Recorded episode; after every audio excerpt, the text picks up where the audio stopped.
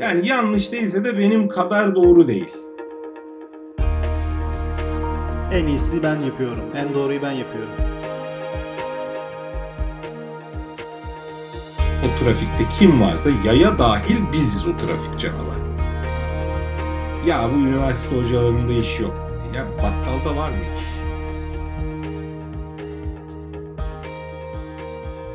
Selam Bilge. Selam İlker.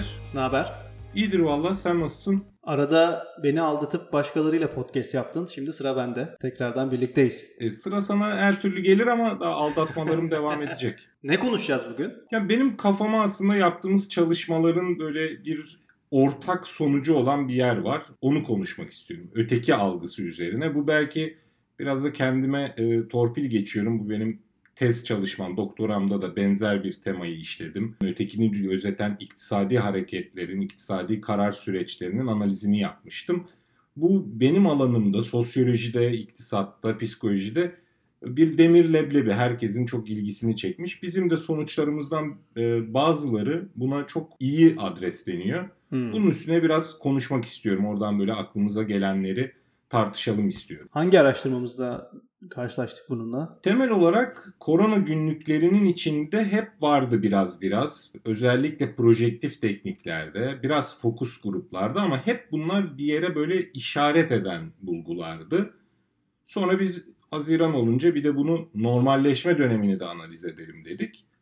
Orada da bir iki ay süren sürekli açık kalmış ve e, epeyce insan, 8 binin üstünde insanı derleyip toparladığınız sonunda da yeni tüketici değerleri, kaygıları üzerinden hazırladığımız bir segmentasyon çalışmasıyla da bitirdiğimiz bir e, çalışma, araştırma sürecinin sonuçlarından biri bu da. Peki ötekiler diye bir segment mi ortaya çıktı yoksa? Ötekiler değil ama ötekilere bakış çok belirleyici oluyor segmentlerde. Enteresan. Biraz daha açalım mı bunu? Şimdi segment tarafına çok girmek istemiyorum. Bunu belki bilare hatta özel olarak segmentasyon nedir üzerinden e, ve bunu örnek verdiğimiz bir konuşmada yapabiliriz. Ama şöyle öteki tarafına geçelim. Biz dediğim gibi korona günlüklerinde e, ve bir de o süreçte yaptığımız diğer bazı çalışmalarda hep böyle şu lafı duyuyorduk.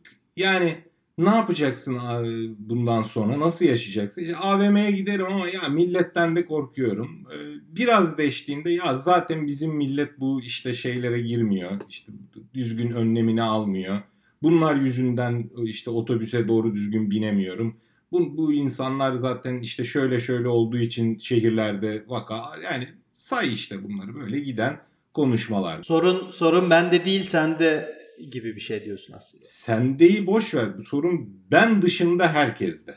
Ee, sadece sende, bende değil. Bu sorduğumuz insanlar için kendisi en doğrusunu yapıyor. Başka hiç kimse doğrusunu yapmıyor.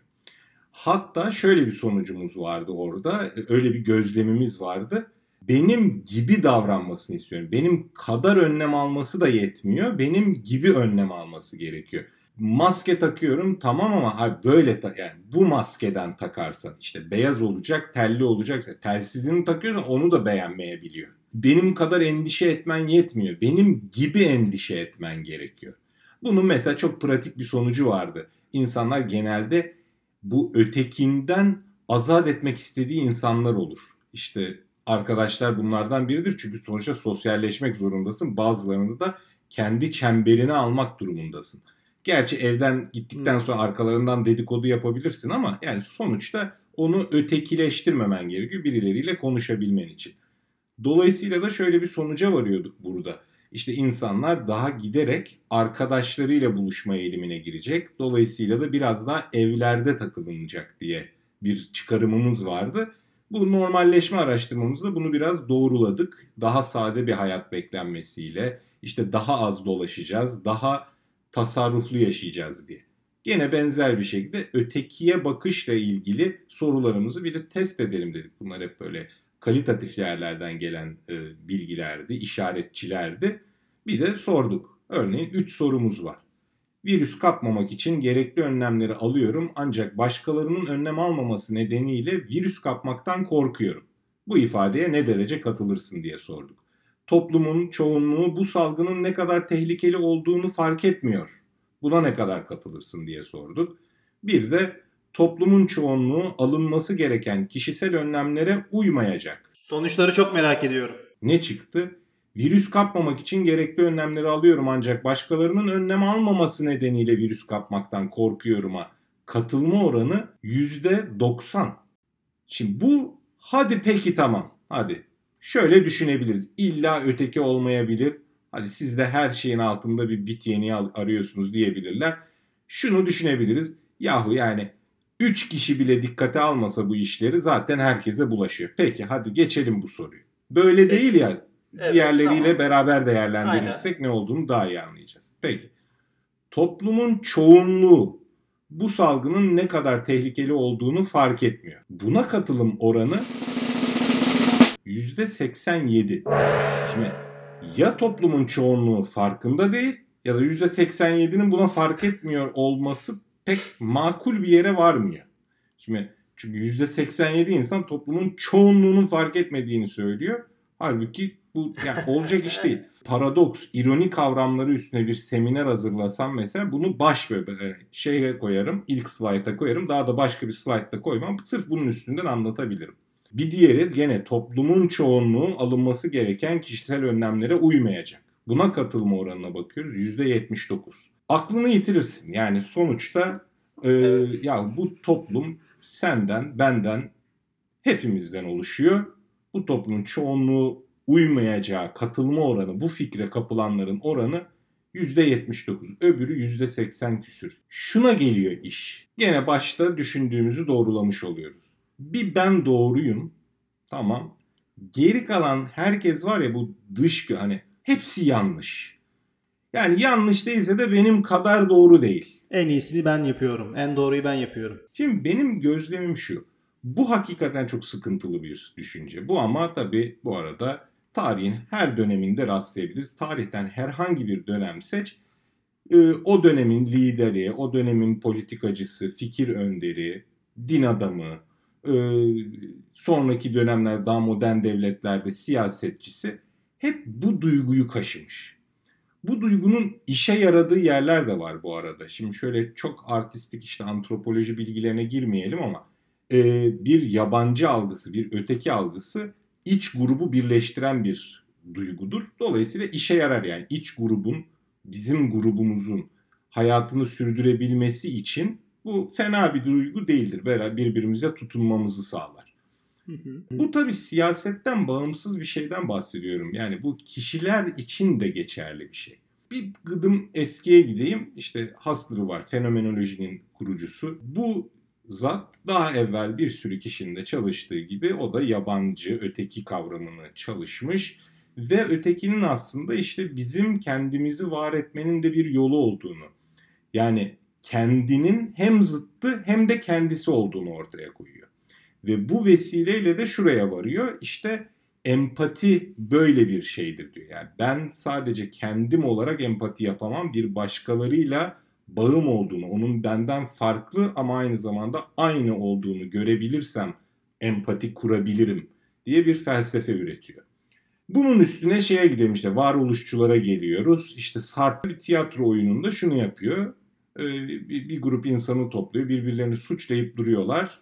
Ve hep birbirlerini yargılıyorlar. Ve işte orada meşhur sözü söylüyor. İşte cehennem başkalarıdır ya da cehennem ötekilerdir diyor. Çünkü aslında hep birbirimizi yargılıyoruz. Biz yaratıyoruz o yargı ortamını. Bu tarafı hep unutuyoruz.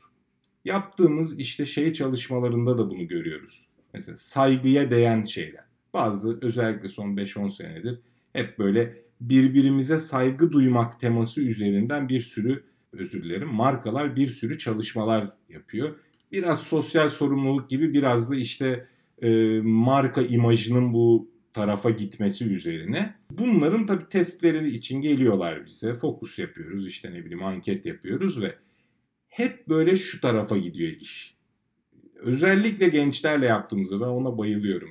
Yaşlar çünkü baştan hemen şey yapabiliyorlar. Ya ben şu tiplere hiç saygı duymam. Şu ırktan hmm. insanları sevmem. Bu ilden gelenler zaten beş para etmez insanlardır diye. Onlar kolay oluyor. Hemen hemen zaten ne kadar saygıyla ilişkilerinin olmadığını hemen gösteriyorlar zaten. Ama gençler De gençler şöyle başlıyor konuşmaya. Herkes birbirine tabii ki saygılı olmalı. Peki. Saygı çok sonsuz olmalı, koşulsuz olmalı. Harika böyle şeyler, çiçekler çıkıyor şeyden, masadan böyle konuştuğumuz fokus grup masasına. Harika, çok güzel. İşte ben giyimine göre kimseyi yargılamam. Çünkü beni de yargılıyorlar, çok rahatsız oluyorum. Kimsenin ideolojisine bakmam. Ben de işte babam benimle şey yapıyor işte. Ben de babam gibi düşünmüyorum. O benimle dalga geçip duruyor. Hiç dalga geçmemek lazım. Sonra da muhabbet devam ediyor. Sen neyden rahatsız olursun? Sen neyi sevmezsin? Filana geliyor. İşte ya bir tipler var işte nargileci modeli var ya diyor abi anladın mı diyor. Hani böyle dar dar şeyler giyiyor nargilesini koyuyor cepte. Ben diyor bu herifi hiç sevmiyorum diyor. Kızlara soruyorsun. Ya ne bileyim diyor işte abi diyor yani başörtüsünü takmış makyaj yapmış olur mu böyle diyor. Öbürü işte ya diyor şehrin ortasında öyle şort giyilir mi diyor. Bunu böyle uzat git. Bu siyasi düşünce böyle belediyeler için bazı çalışmalar yapıyoruz. Orada da. E ben her ırka saygılıyım. Çok hiç e, insanları zorlamamak lazım. E, e Suriyeliler. Suriyeliler berbat. Evet. Öbürleri berbat. O, o ilden gelenler zaten korkunç insanlar. Ha aralarında bazı güzel düzgün davrananlar var. Hani onu da araya illa sıkıştırırlar zaten.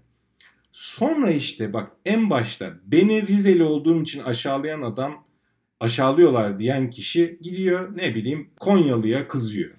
Konyalı'ya soruyorsun o Malatyalı'dan dert yanıyor. İşte benle Kayseriler dalga geçiyor kendi de Malatyalılarla dalga geçiyor. Bu böyle silsile halinde gidiyor ve insanların unuttuğu şey şu. Bu toplum hep beraberiz. Sadece toplum demeyelim, insanlık olarak zaten beraberiz ama daha küçük bir yerden de başlayabiliriz. Yani mahallen. Ya bu mahallenin insanı beş para etmez. Yani sen de bu mahallede oturuyorsun. Herkes yere çöp atıyor. E sen de atıyorsun çünkü. Ben bir örnek vereyim. İstanbul'da trafik çok yoğun. e sen de trafiğe çıkıyorsun. Yani sen de trafiğin parçasısın. Yani bunu ben desem okey. Çünkü benim arabam yok bir şey. Bisikletli bir insanım. Ama yani arabadayken bunu söylemeleri mesela yani evet. gerçekten akıl alır değil. Yani mesela Yandex Navi'de e, işte giderken bak yolda aç Yandex Navi. Gerçi araban yok senin de. Ee, Yandex Navi'de şey özelliği var işte yorum bırakabiliyorsun. Mesela bir yerde yoğunluk varsa işte burada bir işte çevirme var diyorsun ya da işte yoğunluk var diyorsun falan. Her akşam her sabah ne bu işte trafik köyünüze gidin işte ne işiniz var İstanbul'da falan filan gibi Saçma sapan yorumlar var ya. Ya aynısını ben kendim söylerken yakalıyorum kendimi bazen. Yani metrobüse biniyorduk eskiden. Eski güzel günlerdi miydi bilmiyorum ama e, eski günlerimizde ya ne kadar dolu burası diyorum. Ya ben de metrobüsteyim o sırada yani. Biri de benim için söylüyor o yani. Kim bu lavuk niye geldi buraya diyor yani. Bu olmasaydı biraz daha rahat olurduk. Böyle biz böyle çantayla falan biniyoruz tabii.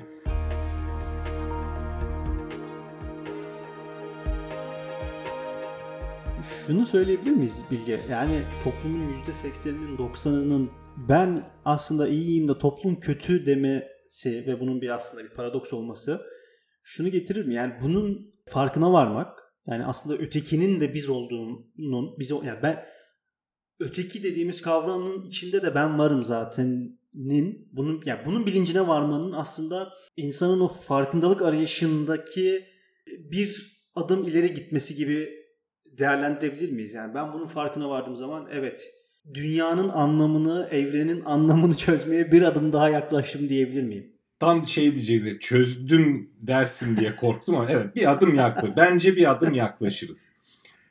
Benim çok sevdiğim birkaç reklam var. Şu sebebi ben hani ancak analist olarak reklamcılığa katılan bir insanım. Ee, az çok bu kadar reklamı da analiz ettikten sonra biraz hangisi tutar hangisi tutmaz kafası basan bir insan ama kişisel zevkim olarak söyleyeceğim. 3 reklam var kafamda çok başarılı olduğunu düşündüğüm. Nedeni de tutması, ne tutması 20 sene geçip 30 sene geçmiş hala daha kullanılabilir olması hmm. ve işe yaraması. Doğrudan işe yaraması. Birincisi şeydir çıkmaz demeyin şansınızı deneyin. Çünkü doğrudan o bileti, milli piyango biletini satan kişinin bile kullanabileceği bir şey. Abi çıkmaz ya bize hemen söyleyebilir yani. Abi çıkmaz demeyin şansınızı deneyin diye. İkincisi çakar çakmaz çakan çakmak. Üçüncüsü de trafik kurallarına uyalım uymayanları uyaralım. Bu üçüncüyü sevmemin sebebi şu. Gerçekten işe yarayacak olan bu. O zamana kadar hala daha gerçi böyle anlatılıyor ama trafik canavarı. Kim bu trafik canavarı? E, benim, sensin. Ha ben belki daha az tehlike yaratarak yapıyorum bunu ama ben de yapıyorum. Mazeretim de hazır. E öbürleri de öyle yapıyor. Ben de o tarafa öyle kaçmasam, öyle seri davranmasam başka şey olur filan diyorum. Ama yani sensin benim. O trafikte kim varsa yaya dahil biziz o trafik canavarı. Yani yayanın tabii payı biraz daha düşük ama sonuçta hep beraberiz.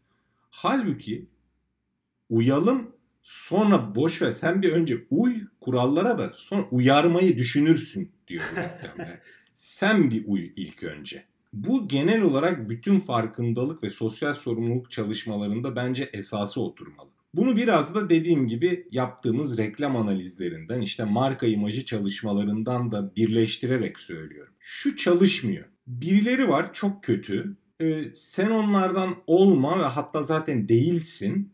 Biz hep beraber bunlara karşı olalım. Bu şimdi çok güzel. İç gıdıklayıcı bir şey. Ee, senin o iyicil, ben ne kadar da iyi bir insanım halini çok güzel gıdıklıyor. Yani şey gibi gene Rambo'dan örnek verelim.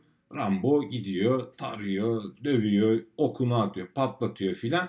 Sen de hani onunla bir özdeşleşerek çıkıyorsun sinemadan. Yani ben de bunun gibi bir insanım işte. Yani belki ok atamıyorum ama ben de böyle kahramanım diyorsun. Senin o duygunu oynuyor. Bu reklamlar da buraya oynuyor.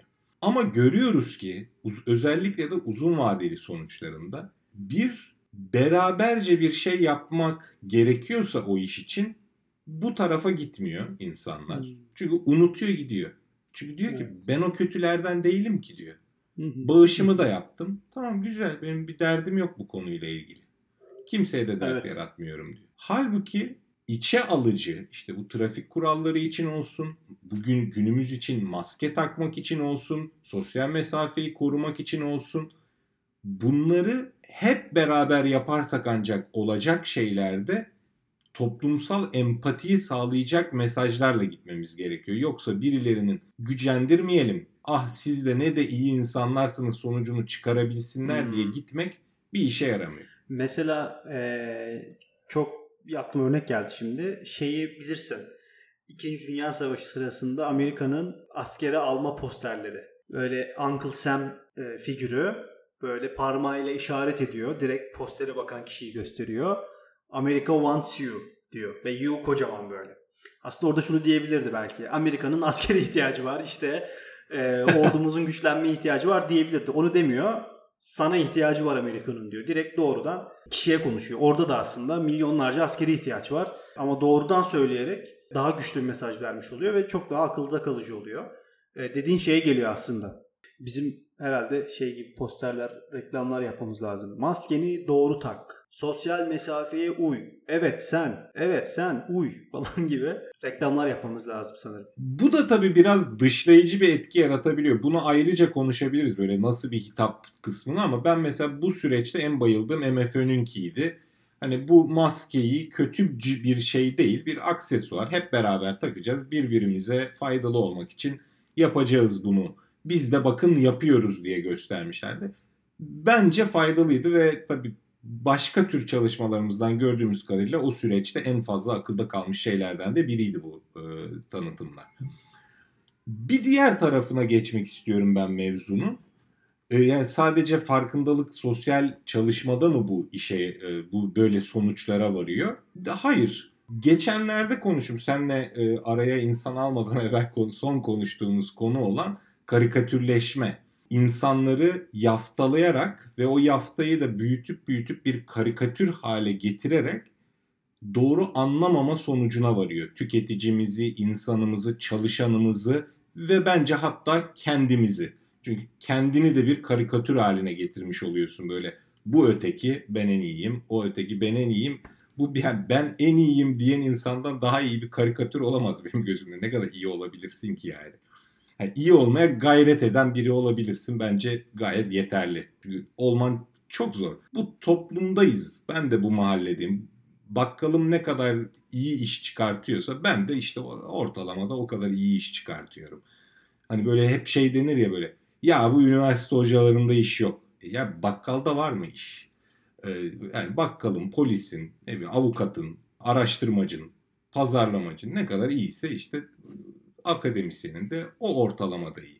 Çünkü biziz o. Sensin, benim, çocuğun, baban, amcaoğlun, arkadaşın. Ama biz bu işte öteki öteki diye gittikçe, ben en iyiyim, diğerleri kötü diye gittikçe ve bunu bir noktada baya baya gerçek sandıkça zaten şehir hayatı bizi birbirimizden uzaklaştırıyor. Tanımıyoruz o insanları. Kendi küçük küçük kümelerimize ayrılıyoruz ve bu pandemi süreci mobilizasyonu da düşürdüğü için iyicene kendi içimize doğru sıkışıyoruz. Kendi muhitimize hatta ya yani bazılarımız için kendi apartmanına sıkışma durumu var. Ancak biraz böyle televizyondan bir şeyler görüyorsun. E onu da kapattık işte Netflix, Spotify, YouTube filan izliyoruz. Kendimize özel şeyler izliyoruz. Ya düşünsene televizyona, radyoya bağlanmıyoruz ya. Yani o bile ben eskiden ders çalışırken çok sıkıldığımda, yalnız hissettiğimde kendimi radyo dinlerdim. Yani şeyden hani benimle birlikte en azından bir 100-200 kişi daha dinliyordur bu radyoyu. Hani beraberlik hissi yaratıyordu bende. E o da yok. Açıyorum Spotify'ımı, YouTube'umu, ne bileyim işte Netflix'imi kendime göre dinliyorum.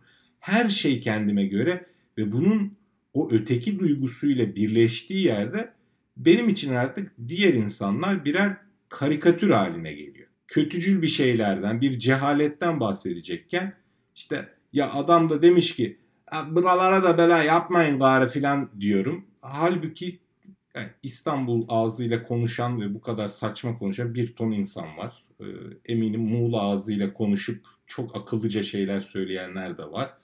Ama ben dışlıyorum. Benim gibi olmayanlar demeye çalışıyorum o taklidi yaparak. Daha kalın konuşuyorum, daha ince konuşuyorum. Kadın gibi konuşuyorum, erkek gibi konuşuyorum. Ve bunlar karikatürler haline gelmeye başlıyor. Ve geçen sefer başka bir taraftan bunu vurgulamıştık. Bir, bunun bir diğer yönü de bu öteki algısı üzerinden giden tarafı.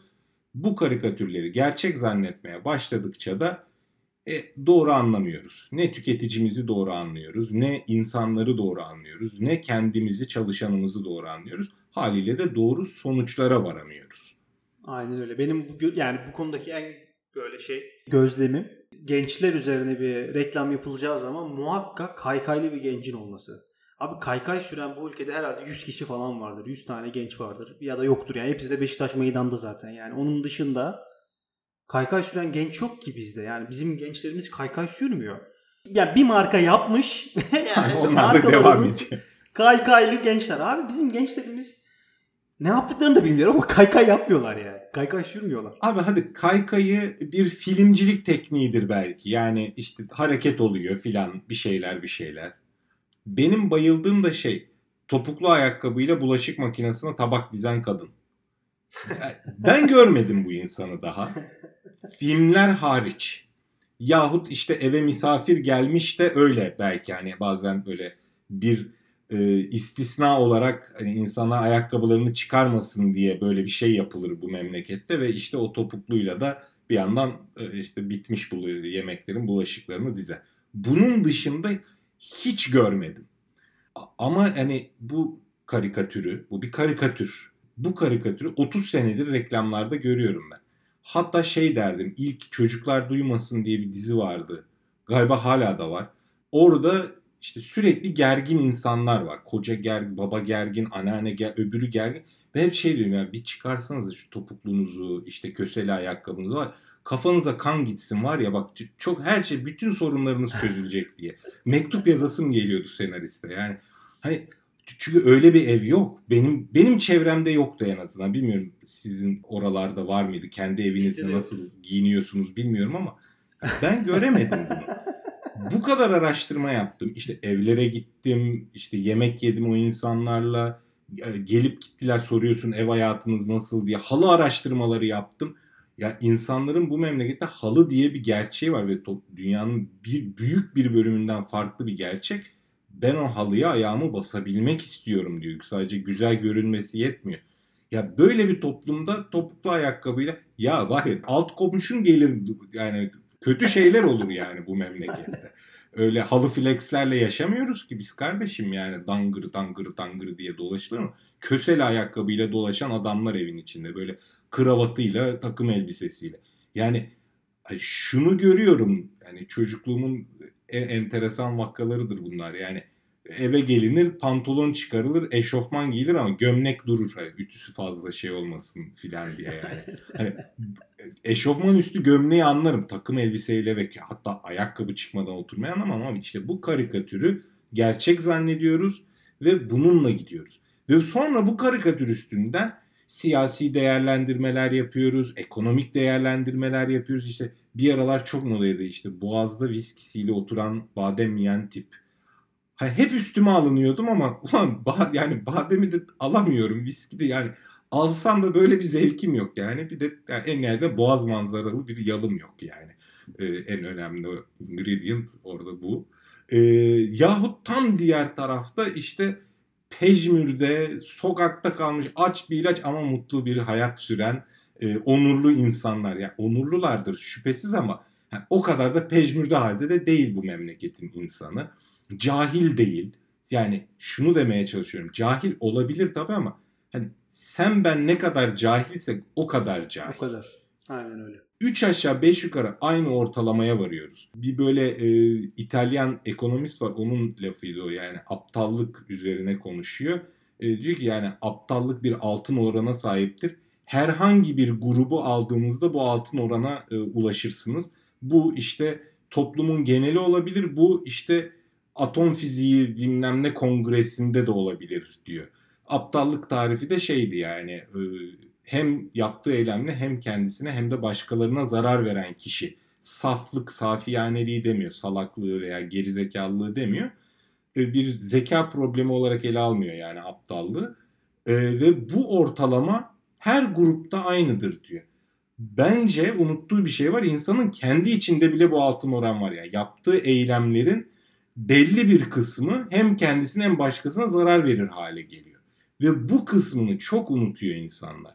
Haliyle de kavga çıkıyor. İşte çözüme ulaştıramıyorsun bir şeyleri. Halbuki şunu diyebilsen, yani bu bir insan, ben de bir insanım. Bence ben doğruyum ama bu da belki doğrudur. Bir dinleyeyim bu insanı ya da onu bir taklit edeyim bakayım yaptığı belki daha faydalı bir şeydir diye. E, tabii buna ulaşacak gücümüz yok. Biz anca belki markalara bir şey söyleyebiliriz. Şöyle bir iki cümleyle özetleyecek olursam karikatürleşmeye varıyor bu ötekileştirme. İki, yaptığınız brand image çalışmalarına, marka imajı çalışmalarına, farkındalık çalışmalarına, sosyal sorumluluk çalışmalarında bu koşullara e, uyumadan ve o öteki algısını biraz kaşıyarak sen evet bizdensin, sen iyilerdensin'i e, kaşıyarak gittiğinde çözüme ulaşamıyorsun. Ulaşmak istediğin yere ulaşamıyorsun. Harika özetledin. Her podcast'i bir son sözle kapatıyorduk. Bu podcast'i de son sözsüz kapatmak istemiyorum. Ne diyelim? Ötekileştirmeden kalın. Ötekileştirmeden kalın diyelim. Aynen öyle. Peki çok sağ ol Bilge. Ben teşekkür ederim İlker. Görüşmek üzere. Görüşürüz.